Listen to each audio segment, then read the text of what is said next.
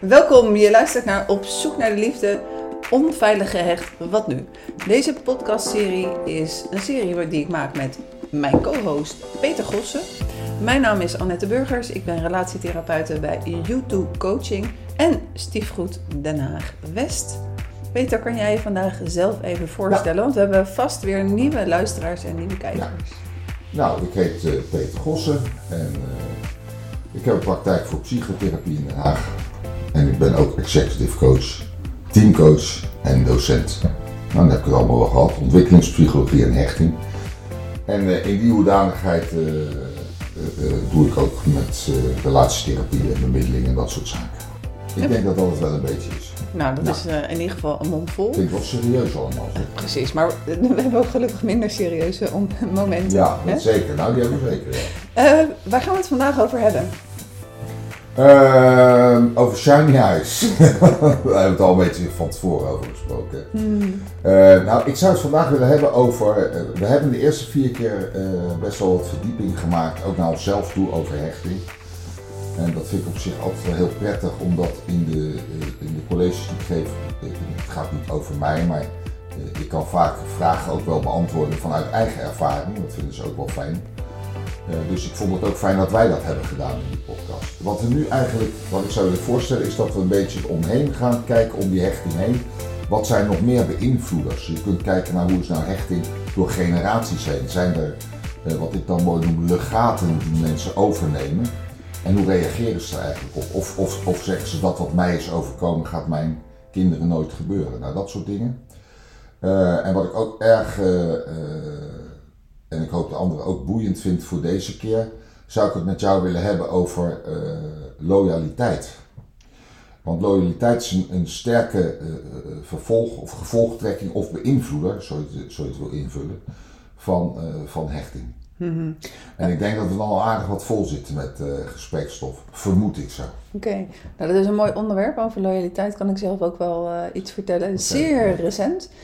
Voordat we gaan beginnen, eventjes een, een andere soort vraag. Ik dacht het al. Ja, van, uiteindelijk vanuit dit boek, hè, de, de kracht van de gehechtheid. Een prachtig boek. Heb ik een, een, een, leuke oefening eruit gehaald. En we gaan hem niet als oefening doen, we doen hem gewoon als, als vraagje.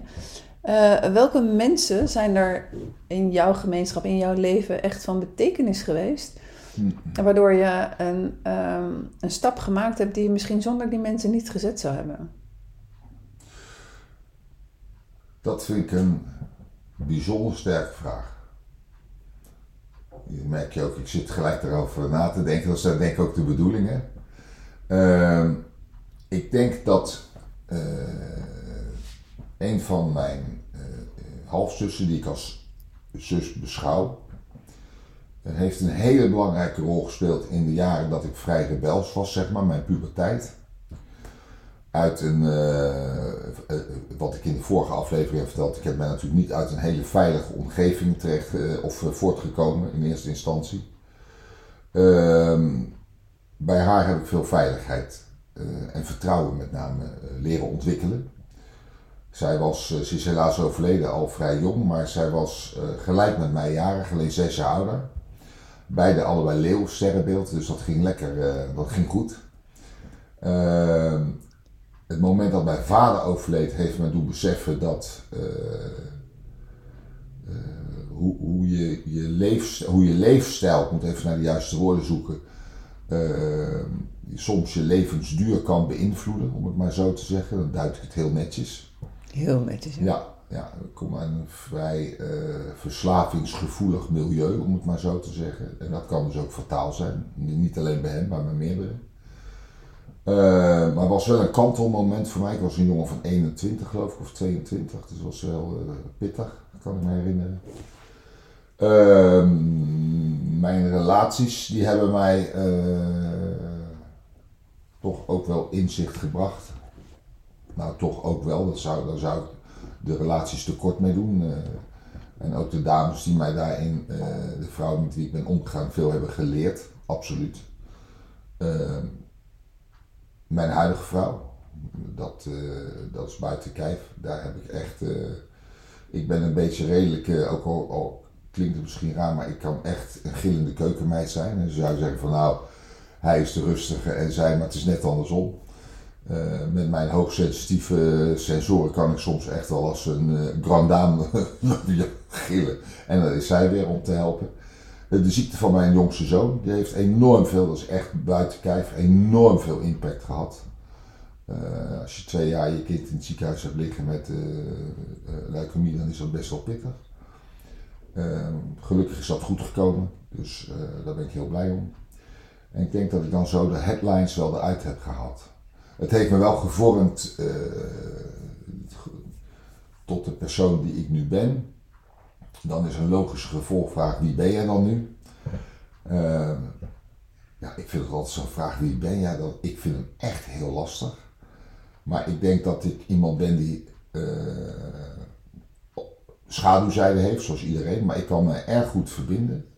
Met je schaduwzijde bedoel je dat? Ja, ja. Ik vind mezelf niet altijd even leuk als de schaduwzijde naar boven komt. Dat is meestal achteraf. uh, maar ik, ik kan ook verbinden met anderen. Dat is wel denk ik uh, wat ik heel erg kan. Ik kan anderen wel veiligheid en vertrouwen geven. Dat is niet alleen in mijn professie zo, dat is belangrijk.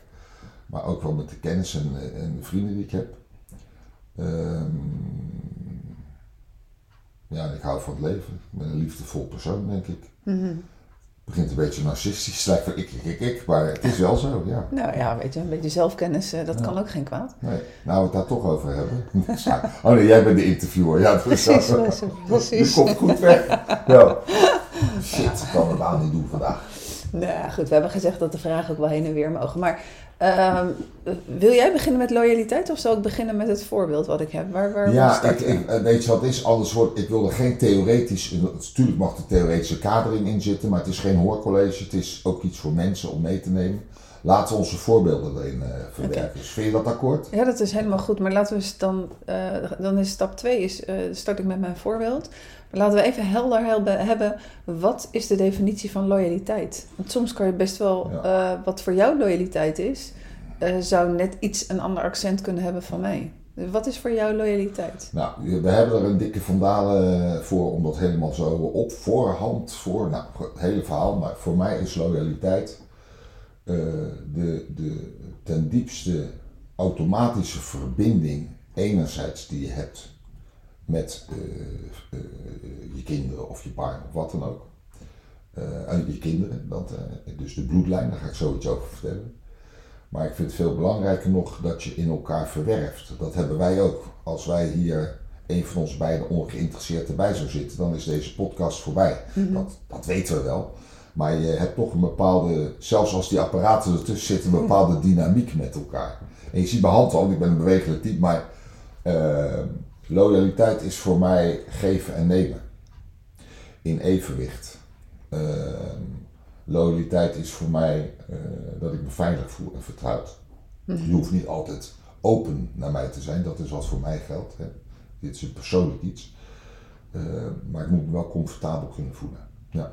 Dus je hebt een voorhand verbondenheid aan iemand die je iets wil geven. En uh, onvoorwaardelijk. Dus geven en nemen, onvoorwaardelijk. Dus het is niet zo, ik geef wat en ik verwacht wat terug. Want dat is voorwaardelijk geven, dat is niet onvoorwaardelijk geven. Die mijn definitie is denk ik iets korter, maar het, komt, het is zeker een onderdeel van wat jij zegt. Dat loyaliteit voor mij um, een verbinding is aan iets waarvoor ik versta, wat ik gezegd heb, uh, waar ik voor ga. Uh, en dat ik me daar, en wellicht te star, maar dat ik me daar uh, erg aan verbind en aan vasthoud. En, kun je dat snel? Wat bedoel je? In tijd, dus ben je snel aan iemand of iets. Hè, want je hebt loyaliteit aan een systeem. Een systeem is niet alleen mensen, maar is alles. Dus omgeving, waar we hier zitten. Of ben je daar heel snel in dat je kunt, uh, ja, loyaal kunt zijn aan mensen, zeg maar, of aan andere dingen? ja, als ik daar een, stap in, een bewuste stap in gezet heb, dan ben ik daar heel erg loyaal aan. Mm Het heeft mij uh, wel ook moeilijke momenten gegeven. Ja. Om een voorbeeld te geven, het is niet het voorbeeld wat ik wilde geven hoor, maar een voorbeeld te geven is dat ik heb wel eens ergens gewerkt. En kreeg ik heel veel kansen van, uh, van uh, de directeur. en uit loyaliteit ben, heb ik me ergens voor aangemeld waarvan ik eigenlijk ook, waarvan ik eigenlijk ook nachten wakker had gelegen van kan ik dit wel? Ah, Maar dan zat die loyaliteit, die was zo groot voor die persoon, ja. eh, dat, eh, dat ik daar eh, mijn eigen grenzen eigenlijk over was gegaan voor, voor die loyaliteit. Dat is één voorbeeld. Ander voorbeeld is ehm, als ik een afspraak maak met iemand. Eh, al ben ik moe, al ben ik ehm, dat het me niet zo heel erg goed uitkomt. Ik heb die afspraak gemaakt. En dan hou ik daar wel eh, soms te veel aan vast. Het voorbeeld wat ik wilde geven, want dat heeft het meest te maken met, eh, met de liefde, is, nou inmiddels is het wel bekend hè, dat ik niet meer getrouwd ben en niet meer het samengestelde gezin heb. Eh, Het feit dat ik mijn handtekeningen heb gezet onder een huwelijksakte en eh, dat dan na 7,5 maand ehm,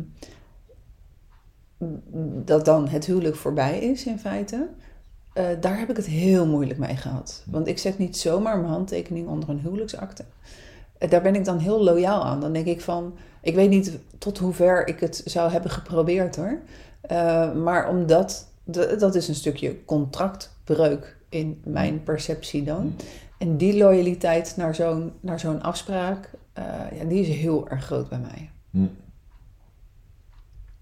Dus dat zijn eh, drie voorbeelden waar, eh, waar we misschien eh, eventjes over door kunnen. Heb Nou, jij dit is de theorie van de loyaliteit, dus daar zijn we klaar. Ja,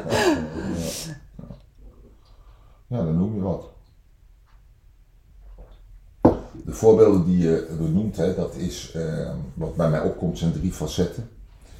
En die ook wel met loyaliteit te maken hebben, denk ik. Dat zijn de componenten moeten, willen, kunnen. Kun je het? Wil je het? Moet je het? Daar zit ook vaak de weerstand op. Hè? Bij, eh, eh, mensen roepen natuurlijk, ik moet niks. Nou, sorry hoor, in dit leven heb jij gewoon dingen te moeten. Hè? Dat, eh, dat. Eh, maar ik, ik, ik, ik vind het wel, dat, dat stuk wat jij zei, dat die, dat die dat je iets deed voor die directeur. Hè? Blijkbaar dat, het- dat hij jou het vertrouwen geeft. Nou, dan heb je een component vertrouwen. Eh, en dan zeg je daar ja tegen, terwijl misschien in je inwendige systeem er iets is van ja, kan ik dit wel en wil ik het eigenlijk ook wel. Maar dan doe je het vanuit loyaliteit voor een ander. Precies. Nou, dat is eigenlijk iets wat je net aan mij vroeg, want aan het begin zei je van, eh, dus je had iets over loyaliteit naar jezelf. Ja, dat is dan eh, waarschijnlijk daar een antwoord op. ja, ja, ja. Ik denk dat je namelijk in het leven veel kan geven aan mensen. Maar er zijn twee componenten die ik daarbij wil benoemen. En eh, dat het, het, het eerste is, eh, zoals ik het zie, is dat je dingen aan mensen kunt geven. Eh, als je ook kunt nemen. En sterker nog, als je ook voldoende aan jezelf hebt gegeven. En dat klinkt misschien wat cliché, maar zo bedoel ik het niet. Eh, er zijn mensen die geven heel veel, dat zijn de gevers. Hè. Als je ooit eh, het Enneagram gaat bestuderen, de type 2, de gevers. En die geven dan heel veel aan mensen. En op een gegeven moment eh, worden ze een beetje kribbig, want dan denk je, ja, bij welke schouder kan ik uithuilen? Ik denk dat we het erover hebben gehad trouwens bij hechting. Als je gaat kijken naar, ik denk dat een aflevering of twee geleden is, dus de mensen die nu inhaken moeten echt eh, naar Nee. die, af- die, die oude afleveringen luisteren, denk ik. Het tweede is, mensen, en ik ga dat vertragen, mensen moeten jou verdienen. En dat is een hele belangrijke, die zeg ik heel vaak tegen mensen die bij mij in de stoel zitten. Ik zeg, ja, mensen moeten jou verdienen. Mij ook, dus iedereen. Hè, dus, En eh, dat moet op een beetje automatische manier gaan. Je moet er niet veel te moeite voor doen. Ja, zeggen mensen al in zo'n relatie, nou, jij bent ook een relatietherapeut. Eh zij of hij heeft echt haar best gedaan. En ik heb hem, wat jammer zeg, heb je alles zeg, dat moet een soort, je mag wel oefenen in patronen, maar je moet ook iets vanuit nature kunnen geven. Een soort natuurlijke loyaliteit. Nou, we het toch hebben over die natuurlijke loyaliteit. eh, laat ik er één benoemen, want we hebben het over loyaliteit en met name over loyaliteitsconflicten wil ik iets eh, vertellen. Akkoord? Gang. Ehm, en dan zal ik het misschien, als je het goed vindt, ook met een voorbeelden geven, maar ik wil jou ook wat vragen dan daarover. Akkoord? Ja, helemaal goed. Nou, we kennen eigenlijk eh, eh, eh, twee vormen van loyaliteit. Ik kan het niet tekenen, dus ik moet het vertellen. Dat is ook een uitdaging voor mij, want ik heb altijd zo'n tekenbord bij me. Maar we kennen de existentiële loyaliteit, heel zwaar woord, dus ik ga het gelijk vertellen, dat is de bloedlijn. Dus je moet voorstellen, opa, oma, kinderen, vader, moeder, kinderen, kinderen, etc. Dus dat is eigenlijk, uh, als je voor de, voor de kenners die bijvoorbeeld een genogram kennen, dus iets uit de, of, of vergelijken met een organogram uit je bedrijf, dan zie je ook die lijntjes lopen. De verticale lijntjes zijn eigenlijk de lijnen van de bloedlijn. Vader, moeder, kinderen, etc.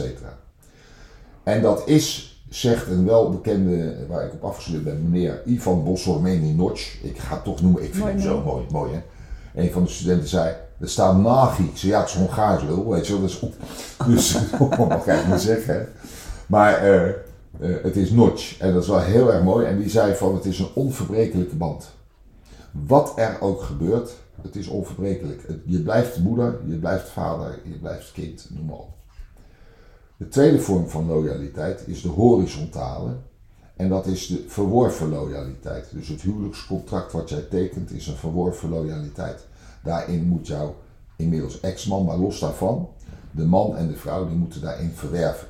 Uh, huwelijkscontract, uh, als je met elkaar samenleeft, et cetera. Maar dan heb ik het over liefdesrelaties. Maar dat kan ook op het werk zijn, of dat kunnen vrienden zijn. Dus verwerven in elkaar. Hè. Uh, en dat heet verworven loyaliteit. En, en de, als, als al die dingen kloppen, hebben ze fantastisch. En dat is niet altijd zo. We hebben behoorlijk wat loyaliteitsconflicten, die ook te maken hebben met hechting.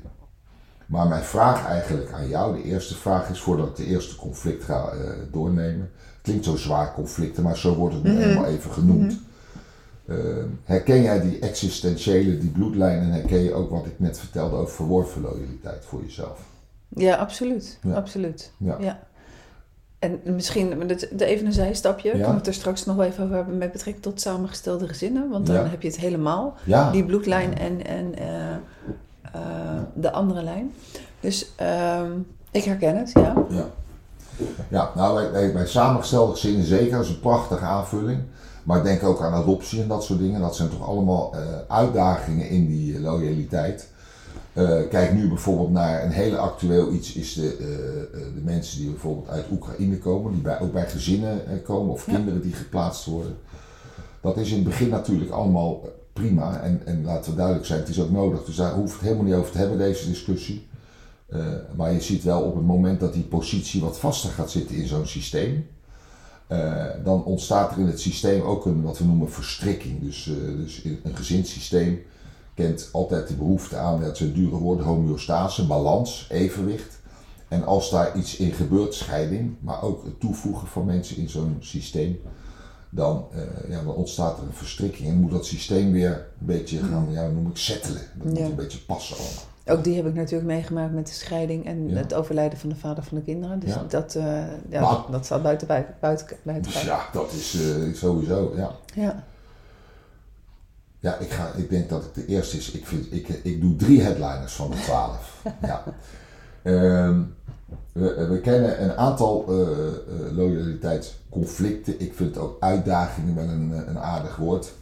Uh, en de eerste is wanneer zo'n systeemverstrikking plaatsvindt. En nou, ik, pak, ik pak even een voorbeeld, niet van jou, maar wat je wel hebt gezegd om welke reden dan ook, vader en moeder gaan uit elkaar. En laten we zeggen, het, ik noem nu moeder, maar het kan ook vader zijn. Hè? Want anders uh, krijg je zo het is alleen bij vrouwen. Nee, nee, nee, nee, nee, nee. nee. Maar moeder die uh, komt er alleen voor te staan. En die heeft dan een dochter, of een, dochter en een zoon, maar laten we zeggen een dochter. Uh, en, en vult u thuis in hoe u dat in wil vullen, laat ik het zo maar zeggen. En vanuit liefde voor dat kind, ze hebben allebei veel meegemaakt, want vader is weg. nou, voedt zij eigenlijk grotendeels dat kind op. Nou, dat is op zich geen punt, maar stel nou dat die relatie heel hecht wordt, zodat ze hè, veel samen doen. Ik heb mensen in de stoel zitten die zeggen, ja, ik heb met mijn dochter, eh, niet alleen, ik ben niet alleen moeder, maar ik ben ook een vriendin. Nou, dan gaan bij mij al schakelaar 6 op mijn rug aan, maar goed. Uh, dat kan. Als, als die persoon dat zo aanvaardt, dan laten we dat even zo. Alleen het punt is, uh, dat zit heel hecht dan moet je je voorstellen, op een gegeven moment is zo'n is dochter, ik noem maar even wat, 16, eh, 17, nou, nou laten we zo even noemen. Uh, zo'n leuke, uitdagende leeftijd. En uh, moeder, ja hoor, het is niet te geloven, er komt een prins weer voorbij. Inmiddels is moeder in de 40, dus als een prins op een schimmel. Want boven de 40 heb je geen witte paarden meer. Dus die komt voorbij en moeder wordt verliefd. En dan gaat er iets gebeuren. Want dan is het beeld voor die dochter van hé, hey, er komt een soort. Ik, ik maak het wat groter, maar nou, dit gebeurt hoor. Dus Mm. wordt gezien, wordt zo'n man of vrouw die daar dan binnenkomt gezien als een soort indringer in dat systeem van dochter en moeder. En, en wat, wat ik vaak terugkrijg is dat zo iemand echt veel moet overwinnen om überhaupt een positie te krijgen in dat systeem. Ik praat niet over de eerste tien weken roze wolk en liefde, maar we gaan naar de schaduw zijn. Hè? Dus Ja. eh, een ander prachtig voorbeeld is, er is een paar jaar geleden ook bij, bij een of andere eh, televisieuitzending, die trouwt mijn zoon of zoiets geweest. Dat zijn eh, van die boys van in de 40 die nog bij moeder wonen en ongeveer, eh, nou, de maat Pamper hebben we niet meer, maar goed. Ze worden goed verzorgd door de moeder. ja, ik vind dat jij dat heel mooi vertelt. Wij hebben wat dat betreft ook een prachtige loyaliteit samen. Ik ga mij opwinden en jij verwoordt het goed. Dus, eh, en, en, en die, die, die persoon die, eh, nou, die eh, inderdaad in die serie, ik heb het met boeiend, ik vind het fantastisch, kijk nooit naar dat soort dingen, maar dat vond ik echt geweldig. En er komt een hele aardige dame voorbij en die, die jongen, die, of die man moet ik zeggen, die wordt daar ook verliefd op. En, en wat zegt moeder? Het is echt, dit is live. Ik weet niet of je nog terug kan zien, een paar jaar geleden. Die zegt, ja, die zie je echt zo dat gezicht verge- van, die denkt van, een kapers op de kust bij mijn zoon. En die zegt, ja, ik weet niet of dit de geschikte vrouw voor mijn zoon is. Maar het was al te laat. Zo'n lief zat al eh, op de roze in de cloud Ja. met zijn prinses. En eh, dat zijn van die conflicten, en dat noemen we dan conflicten omdat het een intern conflict is. Iemand pikt jou van mij af. Eh, kind of moeder of vader, want dat kan ook, hè, want ik heb nu dit voorbeeld genoemd, maar dat heb ik net al gezegd. En die vind ik heel boeiend om in de praktijk, ja, het klinkt heel lullig, maar te behandelen, want dat is echt inzichtgevend dit. En dat gaat echt gepaard met pijn hè? En, en, en, en, en rouw dat iemand ineens uit dat systeem van zorg wordt gehaald. Want moeder of dochter of zoon of vader, die, eh, ja, die krijgt een nieuwe liefde. En eh, ja, ik heb dat zelf ook wel ervaren, niet zo, niet zo groot, maar dat je, eh, wanneer er een nieuwe liefde is, dat je soms aan je, ook ik moet in de microfoon praten, dat je soms aan je eh, kind of kinderen eh, ook uit moet leggen dat het geen kwestie is van eerste, tweede of derde plaats. Maar dat het een kwestie is van ja, toegevoegde liefde, loyaliteit, et cetera. Dat je die kunt hebben voor een ander. En dat die ander op een plek komt, bij, bij vader in dit geval.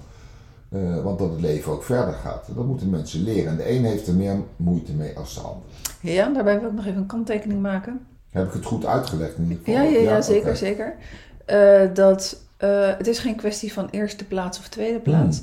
Maar als je wel beseft, als nieuwe partner die erbij komt, dat in de chronologie van de tijd, systemisch gezien, de kinderen er eerst waren. En daarna heb je pas de ontmoeting tussen, Ja. eh, tussen de, de nieuwe partner en, eh, en de ouder van de kinderen.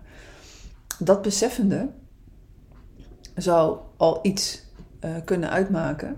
En dan hangt het er ook nog vanaf of in jouw voorbeeld, volgens mij had je het nu net even over een vader van, maar dat die vader niet de hele tijd zegt en doet: ja, mijn kinderen komen op de eerste plaats. Als dat gebeurt, dan, eh, dan breekt de pleuris uit.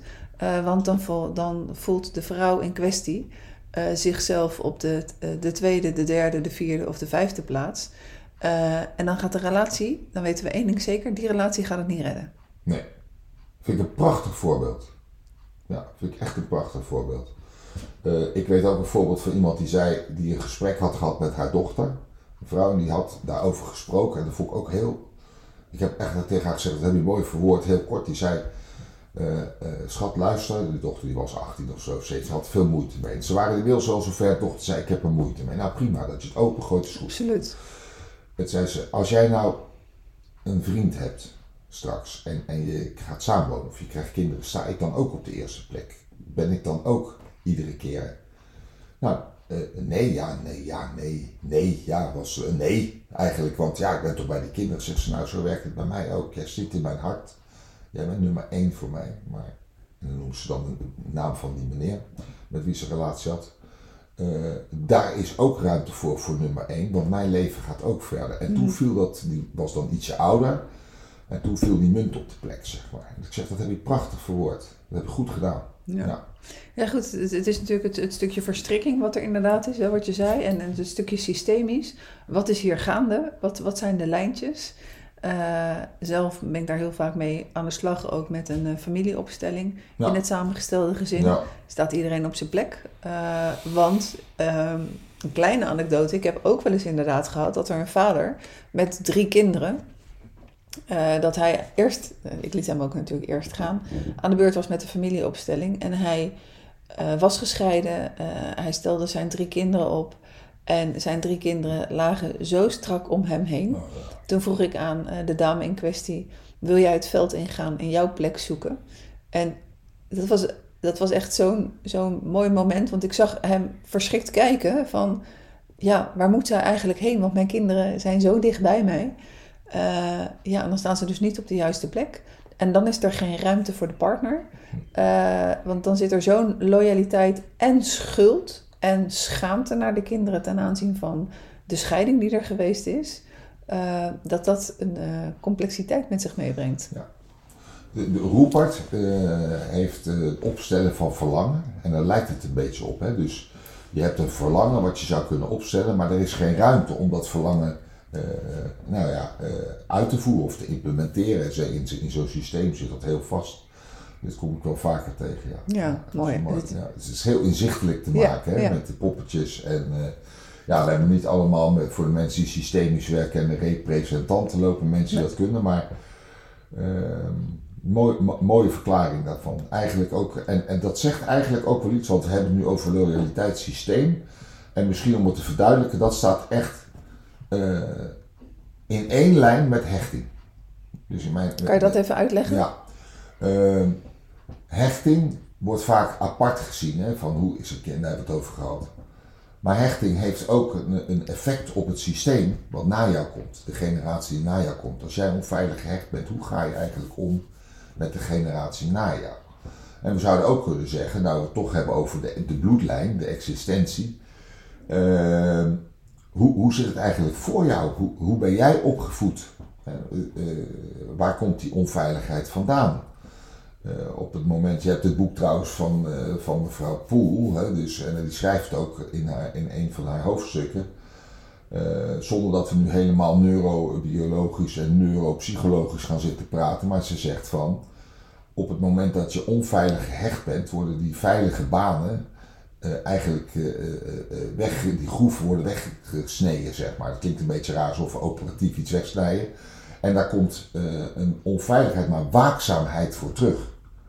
En mensen die veilig gehecht zijn, daar is die waakzaamheid veel minder. En die voelen zich veel vrijer in het leven. En ja, en zei iemand ook van ja, maar dan kunnen mensen in het systeem, zeg maar, om hun heen toch ook teleurgesteld worden of bedrogen of wat dan ook. Ik zeg, dat klopt.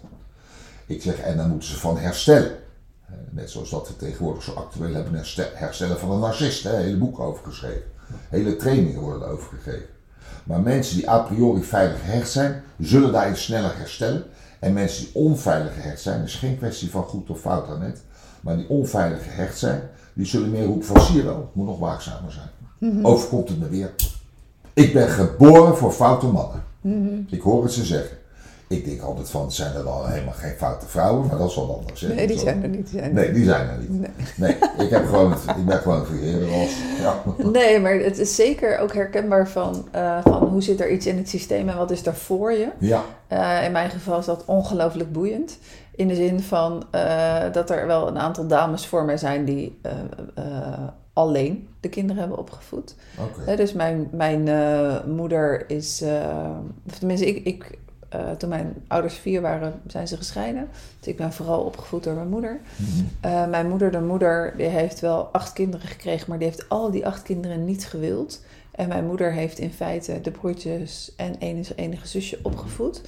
Eh, en uiteindelijk is mijn oma ook gescheiden. Nou, voor die tijd was dat best wel een ding, hè, dat iemand ging scheiden op die leeftijd. En de moeder van mijn oma eh, was de concubine van, eh, van een meneer die eh, weggehaald werd in de oorlog. Dus mijn oma is ook alleen opgevoed. En ehm, Ja, weet je, daar, daar, daar zit iets. En daar Acht zit, kinderen tegen de wil in. Ja. een soort sollicitatie voor een goldcard voor de psychisch masochistische club Nederland of zo. ja, Dat je acht kinderen niet wil en toch zwanger. ja, ik, Ja. ik heb niet. maar de en dan ook nog eh, eh, levenslang tegen al die kinderen zegt: Ik heb geen kinderen gewild. Dus dat heeft heel veel effect Nou, dat, gehad eh, op die kinderen. nou, je, je noemt hier eh, haast Ja. een, een, nou, misschien dat ze het in de zwangerschap al niet wilden. Precies. Dus je noemt hier wel een prenataal hechtingsprobleem. Ja. Daar hebben we het nog niet over gehad trouwens, gaan we Nee. vandaag nog niet over hebben. Maar dit is wel een afwijzing, is een hele bekende. En daar gaan kinderen echt op reageren. Precies. En later volwassenen natuurlijk. Ja, en, en dat zit dan uiteindelijk in dat systeem. Ja. Eh, dat was even een voorbeeldje naar aanleiding van wat jij zei. Nou, het Eh, past helemaal bij loyaliteit en hechting. Lekker hè? op de lijn. Daar, Ja, daar, zat ja. jij, eh, daar, had je de connectie en je ging uitleggen waarom hechting dan onlas, onlosmakelijk verbonden is aan loyaliteit. Maar het intermezzo, want die mensen luisteren hiernaar. En die zouden misschien kunnen denken, goh, die twee die hebben heel wat voorbereid. Maar wij hebben helemaal samen, dames en heren, niets voorbereid. We hebben wel een goede loyaliteitsmatch. Zo. Ja, dat gaat ja. best. Want we hebben echt niks voorbereid. Tenminste, ik weet wel waar we het over gaan hebben, maar Precies, dat is het enige wat we hebben voorbereid. ja, maar niet de inhoud, et cetera. Nee. ook Maar dit is ook zoals ik eigenlijk altijd mijn podcasten maak. Ik, ik weet ja. waar ik het over wil hebben. Hm. Ik weet met wie ik praat. Eh, ik luister vooral en stel hier en daar een paar vragen. Hm. In ons geval vertel ik ook hier en daar Ja, iets. Ja. doe ik meestal wat minder. Eh, maar, maar ik vind dat het heel gaat leuk, eh, ineens die dynamiek geeft. de Ja, dynamiek, precies. Ja. ja, misschien ook omdat we collega's in het vak zijn, zodat je misschien ook wat opener over Zeker, zeker. En we kennen elkaar natuurlijk al Uit de langer. kroeg. Oh nee, dat was niet zo. Van niet opleiding. Ja, aflevering 1. Maar, maar goed, we gaan wat mij betreft gezondheid. We gaan even naar het volgende loyaliteitsstukje. En dat heeft ook te maken met een stukje hechting. Ik zal dat koppelen. Oké. Mhm, Ja, helemaal goed. Tweede vorm is de overloyaliteit aan ouders. Eh, nou, ik, met dat ik dit zeg, schiet me nog een heleboel voorbeelden binnen, maar dat moet dan maar een andere keer. Eh, over wat er allemaal nog meer op hechtingsvlak kan. Jeetje, hebben we nog even. Ja, we hebben zeker Eh, nog even. Het aardige is dat overloyaliteit wil eigenlijk zeggen dat eh, een kind wordt volwassen, gaat in een relatie, krijgt ook kinderen, et cetera, wordt moeder of vader. Hè. Eh, maar is eigenlijk veel te veel beschikbaar nog voor moeder en of vader, dus van hem of haar. Eh, een praktijkvoorbeeld, anders wordt het misschien wel theoretisch, is dat eh, ik wel mensen heb die zeggen: ja, zitten we thuis voor de televisie, half twaalf gaat de telefoon, mijn vrouw of mijn man is weer de hort op, moet weer naar dat gezin of naar die moeder of vader toe om te helpen. En dan hebben we het niet over iemand die heel hulpbehoevend is, want dat is een episode in het leven wat kan. Maar iemand die echt veel te veel nog bezig is vanuit een soort verzorgende kindrol of wat dan ook voor die ouders. En dat leidt tot conflicten in relaties. Herken je dat? Niet bij jezelf, maar ik bedoel bij mensen die. Ja, zeker. En eh, ik, ja, Ja, ik, heb het, ik herken. Ik heb ze echt eh, dat ik denk, oh, dat bestaat ook, maar dat is echt een vorm. Komt wat minder voor als die eerste vorm, om het maar zo te zeggen. En eh, eh, kan soms ook wel te maken hebben met, kan soms met die ambivalente onveilige gehechtheid van moeite hebben om dingen echt om afscheid te nemen. En ehm, nou ja, het gaat in mijn hoofd nu van allerlei theorieën, dus die parkeer ik eventjes. Ehm, maar dat, die complexiteit, eh, dat is wel iets, want je zou zeggen van nou, dan ga je in gesprek met man en vrouw en dan los je het samen op. Ja, cognitief gezien verstandelijk snappen we dat. Maar het hart zegt wat anders. Hè? Dat is vaak, dat is ook trouwens wat het boek, ik wijs nu daarna, maar dat zien ze niet. Maar het boek eh, heeft daar vaak ook over. Hè? Somatic experience. Cognitief weten we precies wat we moeten doen. En we handelen impulsief vanuit ons voelen. En eh, eh, eh, anders kunnen we na afloop nog kwaad op onszelf zijn dat we toch weer hebben gedaan. Hè? Mhm. En ja, dat, dat is soms het verschil tussen hoofd en hart. Ja. En dat, dat heeft met name met dit stukje loyaliteitsproblematiek te maken. Mhm.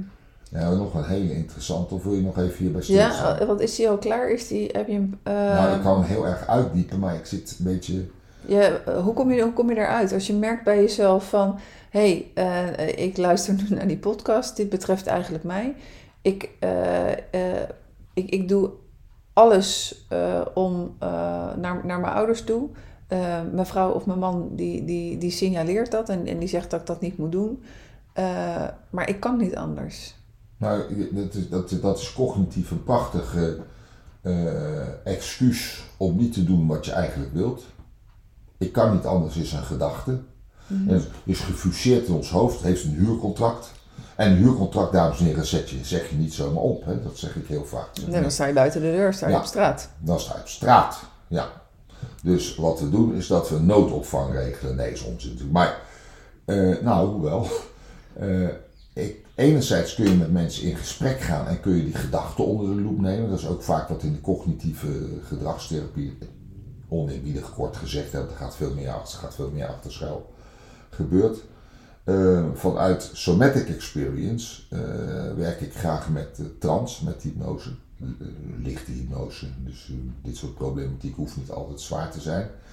En leer ik mensen vanuit een, ja, het wordt nu heel erg technisch, maar vanuit hun hart, laat ik het zo maar even zeggen, vanuit hun gevoel, vanuit het onbewuste, om moeder en vader op de juiste plek te zetten. Dus als ze constateren, want het is niet aan mij om te vertellen wat de juiste plek is, dat moeten ze zelf ervaren dat het toch zo is dat in deze situaties ze op de juiste plek staan, dan heb je een verklaringsmodel naar je partner. Of je komt erachter dat uh, in deze oefening, en dat is een vrij een snelle oefening hoor, zo'n half uur, drie kwartier, uh, dat het inderdaad zo is dat op gevoel dat ouders heel dichtbij staan, maar dat het verstikt in de huidige relatie, dan moeten ze dat vanuit het onbewuste, ja het klinkt een beetje abstract, maar geloof me, het is, niet, het is echt met je benen op de vloer, moeten ze ouders op een afstand zetten. Nou ja, moeten, ja, maar, ja. Nee, maar wat je zegt, hè, benen op de vloer. Wat er dan bij mij uh, opkomt, is gelijk weer uh, de opstelling. Ja. de, de, ouders op de juiste plek. en teruggeven wat aan de ouders is. Ja. En ook dat met woorden herhalen. Dit is niet van mij, dit is van jou. Ik, ik, geef het nu terug. Nou, dat is eigenlijk, want je hebt het hier over Hellinger. Hè? Dus Hellinger is de man van de opstellingen. Zeer geïnspireerd door Notch.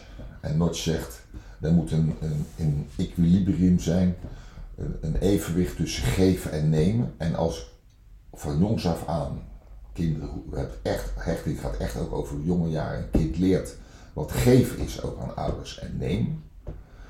Uh, dan is er een, een evenredige balans. Maar op het moment dat uh, kinderen alleen maar krijgen, dat is logisch, het is een klein kind, je hoeft niks te geven. Maar kinderen hebben ook wat te geven op hele jonge leeftijd al. Energetisch, eh, noem maar op, hebben ze echt al wat te geven. Uh, als daar geen ruimte voor is, dan hebben ze een overschot aan giften, om het maar zo te zeggen. Nou, dan kom je weer in de hechtingswereld, maar ook in loyaliteit. Die geven ze aan een ander, die kunnen mensen verstikken gewoon. En de andere kant is dat ze heel weinig hebben gekregen. En dan kunnen ze in relaties, en dat kunnen liefdesrelaties zijn omdat die vrij dichtbij komen, maar ook een existentiële, dus waar we het over hebben, loyaliteit aan ouders, et cetera. Dan kunnen ze in plaats van geven, kunnen ze heel veel nemen. Dus er zit, wat jij zegt, systemisch een disbalans in. Mm -hmm. ja. Dus wat eigenlijk, dat vind ik wel heel leuk dat we die uitwaaiing maken, het niet alleen over hechting gaan hebben, maar ook alle over randcomponenten, daar hebben we het nu over, die met hechting te maken hebben. Mm, ja. Of wordt het nou te moeilijk? Nee, toch? Ik, ik weet het niet. Ik, ik kan je nog volgen in ieder geval. Ik nog, hoop de rest ook en anders horen we het wel. Hopen, precies. Ja, ja. Het, het mooie is wel zeg maar het stukje met uh, geven en nemen. Um, dat uh, in principe elke relatie in balans moet zijn. Ongeveer hè, met, het, met het geven en nemen, geven en ontvangen. Uh, maar er zijn wel uitzonderingen. De relatie ouder-kind hoeft niet helemaal een balans te zijn, balans te zijn want je nee. geeft als ouder die onvoorwaardelijke liefde. Uh, je krijgt onvoorwaardelijke loyaliteit. Uh, maar, maar je weet als ouder, ik voed mijn kind op. Uh, en dan hebben de meeste ouders ook de hoop om daarna dat, dat het systeem zich voortzet, dat de familie zich uitbreidt. En dan weet je als ouder, mijn kind voedt daarna zijn of haar kind ook weer op. Dus dat, daar, daar zit iets van doorgeven in. Ik vind ook dat er in het onderwijs. Uh, ik geef mijn leerlingen uh, les. Uh, ik geef ze van alles mee. Uh, en ik, ik verwacht daarin wel iets terug. Ik zou het fijn vinden als ze een huiswerk maken. En als ze het leren en als ze daar in ieder geval wat vragen meenemen. Zeker bij het, het vak wat ik nu geef, persoonlijke vorming. eh, dat de vragen die ik ze meegeef, dat ze daar ergens over nadenken. Eh, maar dat is niet wat ik geef, dat ik dat precies terug verwacht. En dan denk ik zelf ook, zeg maar, in, het, in de medische zorg. Je geeft je patiënt, eh, geef je ook behoorlijk wat. En, daar vraag je ook niet iets van terug. En verder andere, andere relaties met, eh, met buren, met vriendschappen, eh, met partners. Ehm, daar is die balans is echt wel noodzakelijk. Ik geef dan in de praktijk dat een voorbeeld van een hele goede vriend van mij, Mark. Ik zeg ja, ik, kan, ik weet dat ik Mark kan bellen van joh, ik heb een, eh, een, een, een koelkast die ik niet de deur uit kan gooien. Kan je komen helpen? Nou, natuurlijk. Weet ik zeker dat Mark komt. Nou, als mijn wc verstopt is, weet ik zeker dat Mark komt. Als ik straks een huis heb gevonden en, en ik ga verhuizen, weet ik zeker dat Mark komt. Eh, maar als hij mij drie keer wat vraagt en ik kom dan niet, eh, dan zal dat ongetwijfeld iets met, met de vriendschap gaan doen. Mhm. Ja. Je hebt een heel uitgebreide context gegeven van loyaliteit. En met name van voorwaardelijk of onvoorwaardelijkheid. Dat haal ik eruit. Ja. Ehm, laat ik het zo zeggen, eh, want het is jouw beleving en ik ga er wel een heel stuk in mee. Ehm, soms denken mensen dat ze onvoorwaardelijk geven. Maar komen ze erachter Dat dat ten diepste er toch ook wel teleurstelling zit in het feit dat als ze Absoluut. iets niet terugkrijgen. Ehm, ook bij kinderen bijvoorbeeld. En eh, dan zeg ik, ja oké, dat kan, onvoorwaardelijkheid, maar onvoorwaardelijkheid is echt een groot iets. Ja. En deze Peter is echt super belangrijk in de samengestelde gezinnen.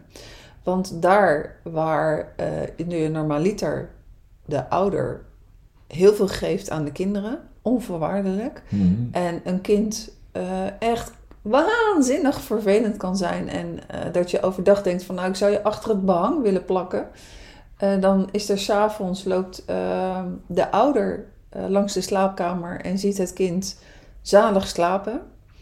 En dan, dan vervult het hart zich van, oh ja, je was een klier vandaag, maar wat een lief kind. En de nieuwe partner loopt daar langs en die denkt van, Jezus, ik ben blij dat jij morgen weer teruggaat naar de andere ouder. Want die nieuwe partner die geeft. En die wil misschien ook wel onvoorwaardelijk geven, maar die geeft eigenlijk voorwaardelijk. Eh, want die doet het niet in principe voor het kind zelf, maar die doet het voor de partner. En de kinderen voelen dat. En dan- gaat er een heel, eh, een heel nieuwe dynamiek zijn. Want alles wat de nieuwe partner dan geeft, komt eigenlijk in een soort van put terecht. En dat kan dan ook niet aangevuld worden door het kind, maar dat kan wel aangevuld worden door de partner. Hm. Want in feite doet de nieuwe partner ook alles voor zijn of haar kinderen voor die partner. Ja. Ben ik nog te volgen? Ik wel. Ja. Ja. Ja, eh, waar we eigenlijk op, komen is, en, en je vraagt ben ik nog te volgen? Ja. Eh, maar laten we het zo duiden dat als mensen nu zitten te luisteren, die, die hebben misschien zoiets, voel hem nog even terug. Want het is ook heel complex. Waar we het nu over hebben is complexe stof. Loyaliteit is complexe stof. Eh, verwachtingspatronen, het, het woord is eenvoudig, maar het is complexe stof. En eh, soms kom je daar gewoon niet doorheen. En dan, eh, ja, als je bij een therapeut komt of wat dan ook, is ook gepuzzel en gezoek. Laat, laten we het hierop houden dat in die loyaliteit, je ziet al, hè, bij die existentiële, de bloedlijn, ja, die snappen we allemaal wel. Hoewel, die kan ook redelijk gebrouilleerd zijn, maar dan blijft het toch familie. Het blijft toch moeder of vader. Eh, in elke samengestelde constellatie, systeem, ja, krijg je, te, pardon, krijg je te maken met verworven loyaliteit. En dat is wat anders. Dus je hebt enerzijds de kinderen die horen bij iemand vanuit de bloedlijn en er komen anderen bij elkaar. Ja, ga dat maar samenvoegen. En er zijn allemaal belangen en allemaal ideeën en iedereen wil een bepaalde positie hebben. Maar je krijgt niet altijd de juiste positie in het nieuwe systeem. Nee, en, je moet het verdienen. Ja. Je moet je, je- men moet jou verdienen. Ja, precies. Hè? Komen Het is een mooie die eh, zo nu en Hebben we nog tijd om eentje te doen? Ja, zeker. Zeker, ja. Want ik heb er een joh, over verdienen gesproken. Nou, dat is er een hoor. Ik heb er een paar casuïstieken van. eh, en, en dat heet de gespleten loyaliteit. Dat heeft niks te maken met schizofrenie of wat dan ook, hoewel. ik weet het niet, maar. eh, het heeft te maken met eh, eh, machten en krachten in een gezin die zijn ontploft. Vader en moeder hebben permanente ruzie. En eh, ze hebben bijvoorbeeld, eh, nou een gezin, ik heb één voorbeeld, dat is een gezin van drie kinderen, maar ik heb er ook één van vijf. Waarbij één of twee van de kinderen partij kiezen voor vader en de andere voor moeder. Dat heeft het aantal maakt even niet uit.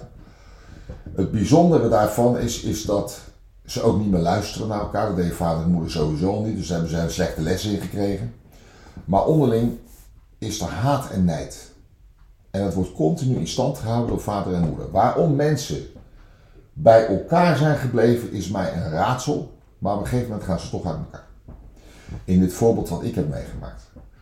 En dan wordt zo'n heel gezin, wat al ontwricht is, dat wordt nog meer ontwricht. En dat zie je uit elkaar gaan. Dan gaan vader en moeder in dit voorbeeld, die zijn dan. Ik heb een van de kinderen heb ik dan zeg maar in, de, in gesprekken gehad. Vader en moeder zijn er niet meer, hè, die zijn overleden door de tijd heen. En dan zie je dat dat gezin wat gesplitst is, dat gaat generaties nog door, zeg maar, één of twee generaties uit elkaar. Waarbij dus de kinderen van de kinderen, de kinderen, totaal niet meer weten waarom ze elkaar niet kennen. Want dat is gewoon helemaal uit elkaar. En het bijzondere is dat meestal een paar generaties later gaan ze elkaar weer opzoeken. Het is een soort gap ja ik kan het niet, eh, want het is natuurlijk een podcast, maar het is een gap in het genogram. Een soort gat, wat dan weer wordt gedicht. En, en eh, dat vind ik een hele apart, want die, die gespleten loyaliteit die ontwricht echt. En ik dacht toen ik dit ooit bestudeerde en las, jaren geleden, vroeg al, dacht ik van nou dat zal toch wel meevallen. Dit is wel een hele extreme. Nou, ja, je hebt nog veel extreme, maar we doen deze vandaag, deze drie, want anders zitten we op allerlei dingen. Mensen straks allemaal een ontwikkeld trauma naar aanleiding van deze podcast, dus dat werkt niet. Maar het is heel bijzonder. En een onderdeel van die gespleten loyaliteit is ook bijvoorbeeld ouderverstoting. Pas. Waarbij vader, ik noem even vader, kan ook andersom, maar we zien vaak de vader, ja. ja, wordt verstoten en wordt allerlei dingen verteld aan kinderen waarom vader slecht is, waarom die weg is gegaan, et cetera. En kinderen die jong zijn, die nemen dat aan. Eh, laten we dat maar even zeggen. Er zullen mensen zijn die zeggen, ja Peter, het is anders. Ja, maar we pakken even een bepaald aantal situaties. Ik heb eh, ooit gezegd, we doen alles zwart-wit. En de, ge- de tinten grijs, die verzinnen, verzinnen de mensen thuis maar erbij. Dat ik echt ontwrichte vaders echt ook heb. Van die, die echt wanhopig proberen, maar, en, maar iedere keer. En dan zeg ik, ja weet je, als ze straks 20, 21 zijn, komen de kamervragen. Want dan komen ze, die kinderen komen dan zelf in hun eigen psychologische fase. En dan gaan ze ook aan moeder vragen stellen. Maar ja, dan is, zijn er wel heel veel jaren overheen. Precies. Die ges- gespleten loyaliteit, ik heb nu twee voorbeelden genoemd, dat is een van de meest destructieve. En die is heel moeilijk ook, eh, ook in hechtingssituaties. Denk maar even dat die kinderen te maken krijgen met zo'n situatie. Nou, die, ziet- dan, dan hebben ze bij moeder veilig, bij vader onveilig, want moeder die, verzorgt daar wel, die zorgt daar dan wel voor. Ik maak moeder een beetje zwart nu, dat bedoel ik niet zo, maar dit Als gebeurt. voorbeeld. Dit ge- ja, maar dit gebeurt. Absoluut, ja. En, en, en, en, en dan, dan, dan krijgt zo'n kind eigenlijk, zeker ook in die, in die jaren dat ze, dat ze puber zijn, eh, adolescent, onvoldoende mee van dat ook in een scheiding, hoe traumatisch dat ook is, want het overkomt ze maar, maar dat ook daar van beide kanten nog steeds liefde kan zijn. Maar dat wordt onthouden. Dat wordt ontnomen. En eh, door allerlei moverende redenen voor moeder, want die heeft ook haar emotie en haar dingen, in dit voorbeeld wat ik noem. Eh, nou, die, om dat te herstellen, het herstelt wel, maar het is altijd een, eh, ik noem het al heel ordinair zeg, een schotwond. Je blijft altijd iets zien. ja. Ik heb... Heb ik het goed uitgelegd? zo? Ja, absoluut. Ik heb in een serie Scheiden Wat Nu... was mijn eerste aflevering met Frank van der Linden, Hmm. journalist. Hij heeft dat boek geschreven ook over een stukje ouderverstoting... waarbij hij door toedoen van zijn moeder... Nee, door toedoen van zijn vader... Sorry, ik zei het fout. Door toedoen van zijn vader heeft hij zijn moeder tien jaar toen niet gezien. Hm. Ehm, voor dat interview heb ik hem eh, opgehaald van de, eh, van de metro... en daarna weer eh, terug ergens afgezet. En... ehm, het is echt zijn missie. Het is echt zijn wond. Eh, Ja. eh, hij, je kon echt merken aan alles ook rondom dat interview. eh, dat hij nog steeds hè, op de dag van vandaag ook bezig was van hoe kan ik dit mijn vader vergeven? Ik heb het nog geen plekje gegeven in dat zoals hij was. en, en ik snap dat hij zo was vanuit de context en, en dat stukje, eh, dat snapte hij wel. Maar om dat laatste stukje van hoe kan ik mijn, mijn vader vergeven voor al die jaren dat ik geen contact heb gehad met mijn moeder. Ja, ik, zou, ik hoop dat hij luistert op dit moment. Ehm, ik ga daarop reageren, je merkt het. Ja. Ik denk dat vergeven een hiërarchisch proces is. Ik doe wat bij jou en ik vraag om vergiffenis, maar jij moet het mij ook kunnen geven. Dus je krijgt een hiërarchisch proces. Notch heeft daar een geweldige methodiek voor. Nou, het klinkt heel oneerbiedig zelfs, methodiek. Die heeft daar een, visie op. ja. Ja. Onschuldigen.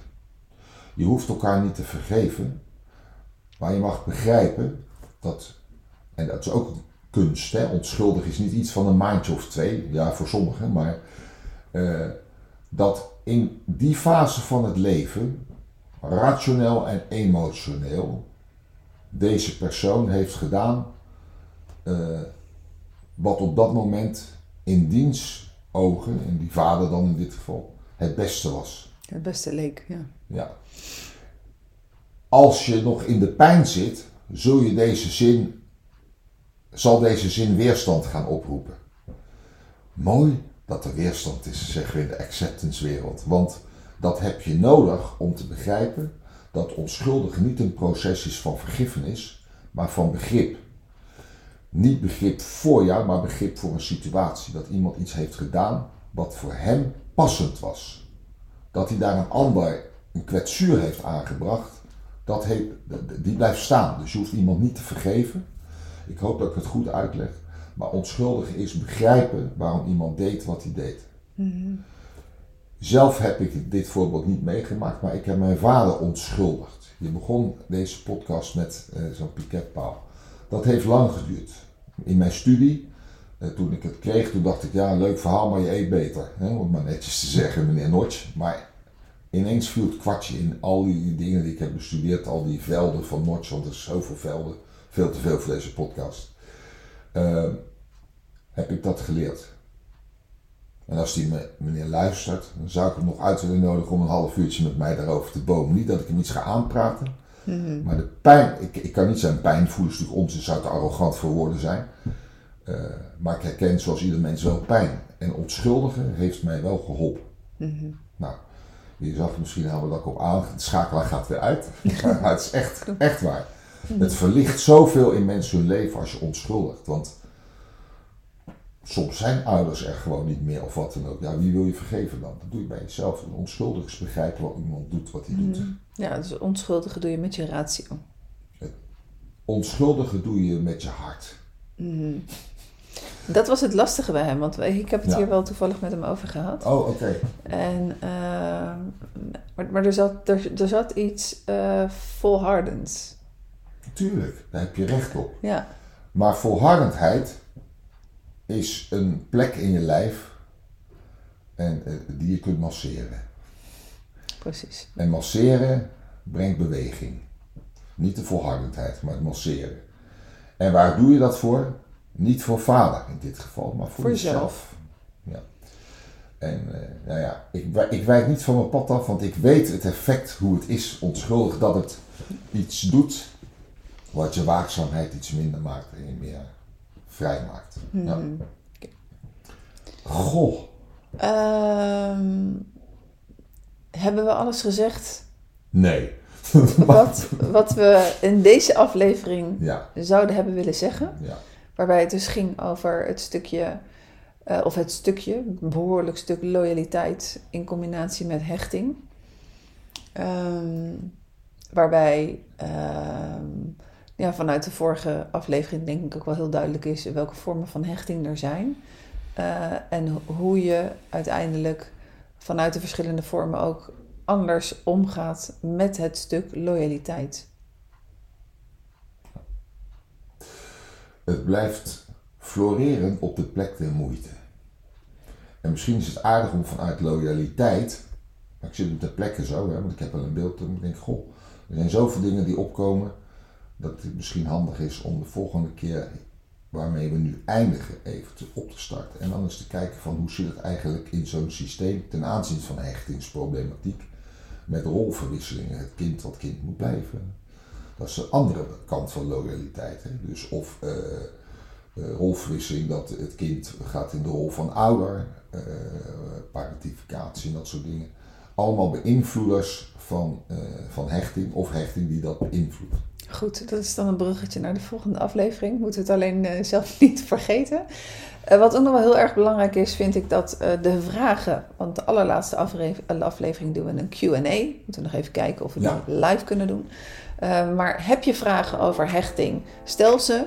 Het is het makkelijkst om die te verzamelen als je ze stuurt via het contactformulier van www.youtubecoaching.nl. Dan heb ik alles op hetzelfde adres. Maar mocht je ons via andere kanalen weten te bereiken, dan kan dat ook. Dan nemen we die vragen mee. Stel je vraag over hechting die je wilt stellen. En dan zien we die tegemoet. En dan voor nu, Peter, dankjewel. Graag gedaan. Jij en dan tot over twee weken dan is er weer een nieuwe aflevering. Dan wordt dat al... Het sentiment. Theater van het sentiment. Dan komt aflevering 6. Dus voor vandaag, dankjewel voor het kijken. Dankjewel voor het luisteren. Dankjewel Peter. En verder nog een heel mooi weekend. Jij ook. Doei.